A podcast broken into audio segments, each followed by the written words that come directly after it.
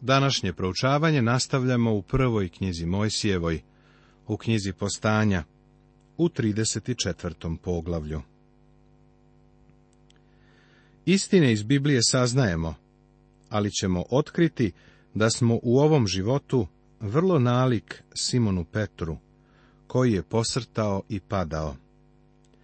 Hvala Bogu da je Simon Petar stalno ustajao i otresao prašinu sa sebe, a onda je došao dan kada je vrlo blisko hodao sa gospodom. U stvari otišao je na krst, baš kao naš gospod. Ti i ja treba da shvatimo da u našem životu rast jeste spor, pa će rast i u životu drugih ljudi također biti spor. Ponekad roditelji obraćene dece od njih očekuju previše. Ne očekujemo previše od drugih ljudi, nego mnogo očekujemo od samih sebe.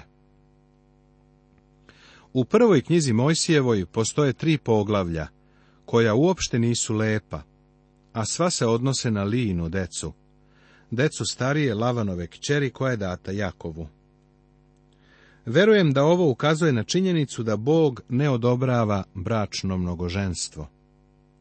Sama činjenica da je Jakov na ovo bio prisiljen do izvesne mere, nikako ne opravdava niti odobrava mnogoženstvo. Jakov se na kraju ipak složio sa tim. U ovom odeljku vidimo da su sva lijina deca uključena u greh. Imala je četiri sina. U ovom poglavlju tu su Simeon i Levije. U poglavlju 35. dolazimo do sljedećeg sina Ruvima, koji je prvenac. U 38. poglavlju to će biti Juda. Svi Lijini sinovi su se pokazali vrlo loše i u njihovom životu je postojao sramotan greh.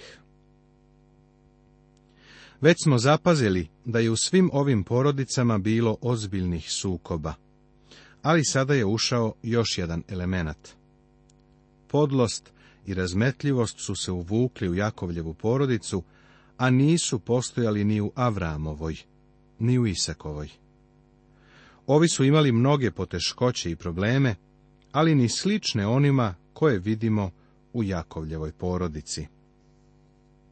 Ponovo da kažem, Bog je želeo da Jakova i njegovu porodicu izdvoji iz Lavanovog doma, iz te atmosfere, jer je sama atmosfera stvorila osnovu za užasne grehe koji se ovdje spominju. Sihem je osramotio Dinu, Jakov se zaustavio ovde u Salemu i kupio je za sebe fino malo mesto u predgrađu. On pokušava da se okrene ka tadašnjoj kulturi. Ali to nije bilo dobro mesto, pa Bog želi da ovog čoveka odvoji i od ove oblasti. I veruj mi, nakon što pročitaš ovo poglavlje, doći ćeš do zaključka da je bolje što ga je Bog odvojio a Dina, kći Lijina, koju rodi Jakovu, izađe da gleda devojke u onom kraju. Dina je otišla da poseti grad Salem. A ugleda je Sihem, sin Emora Eveina, kneza od one zemlje, i uze je, i leže s njom, i osramoti je.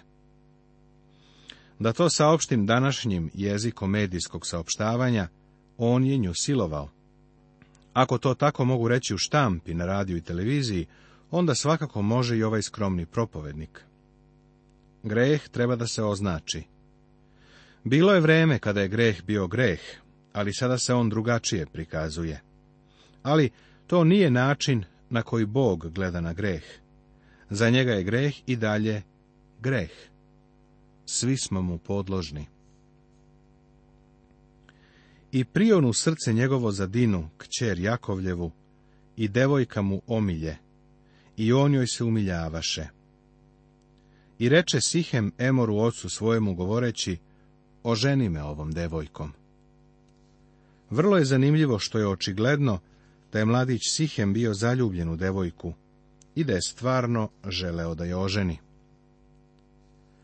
A Jakov ču da je osramotio dinu kćer njegovu i sinovi njegovi bejahu u polju sa stokom njegovom, i Jakov očute dokle oni ne dođu. A Emor, otac Sihemov, izađe k Jakovu da se razgovori s njim. A kad dođoše sinovi Jakovljevi iz polja i čuše šta je bilo, žao bi ljudima vrlo i razgneviše se veoma, što učini sramotu Izraelu, obeležavši kćer Jakovljevu, kako ne bi valjalo činiti.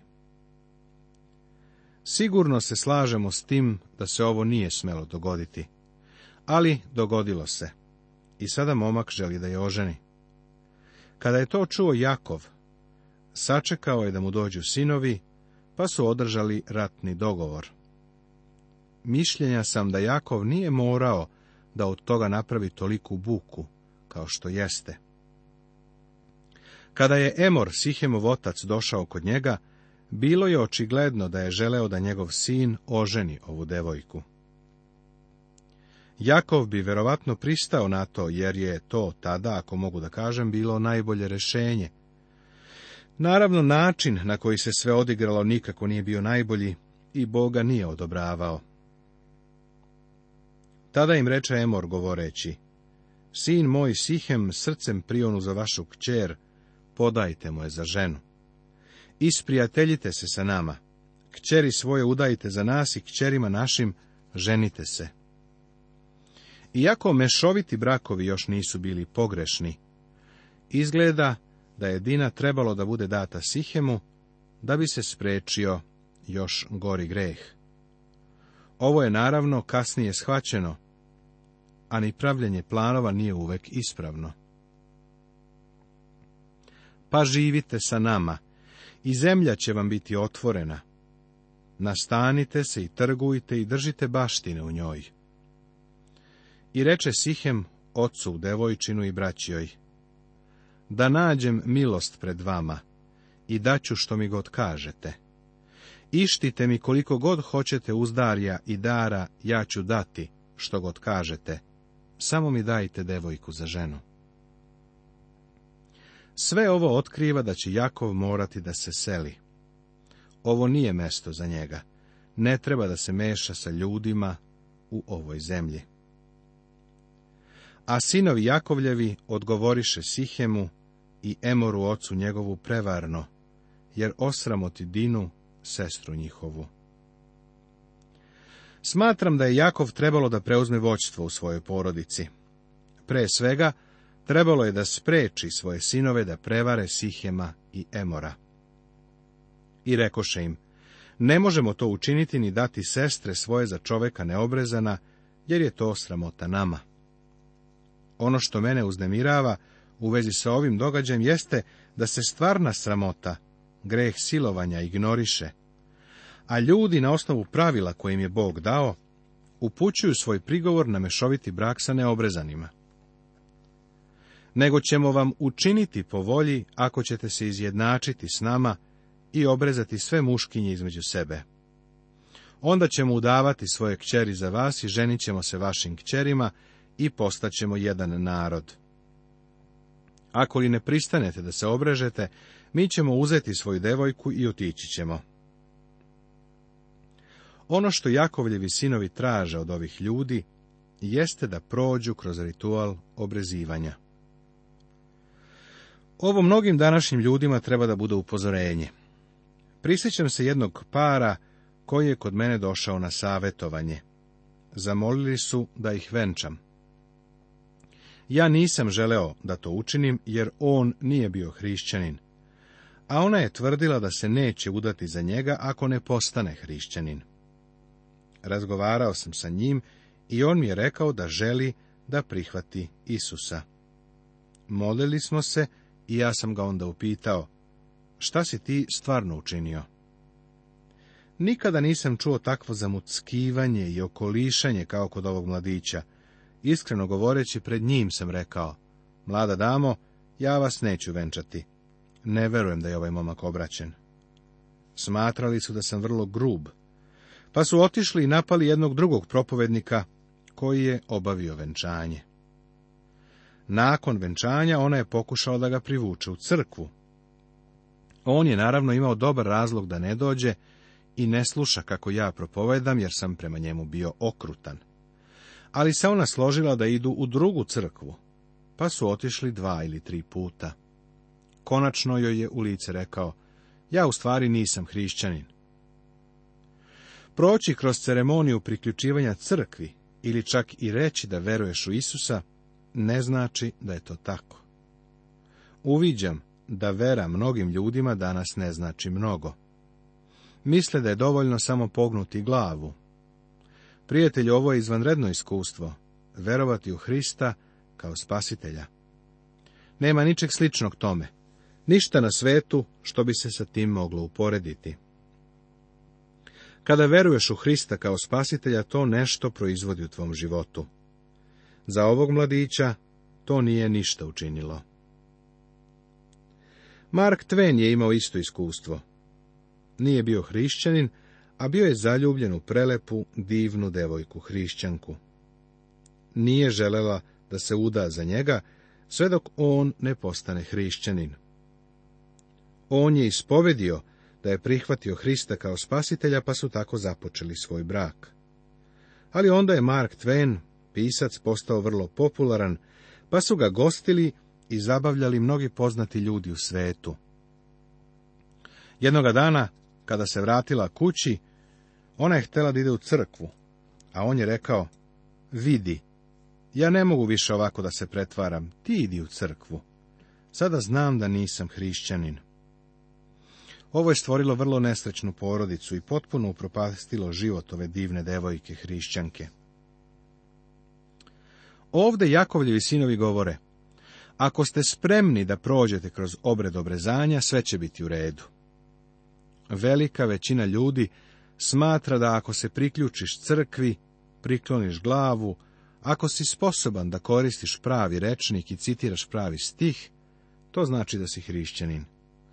Prijatelju, ovo ne znači da jesi hrišćanin. Ako si poverovao u Hrista, nešto se desilo i ti si drugačija osoba.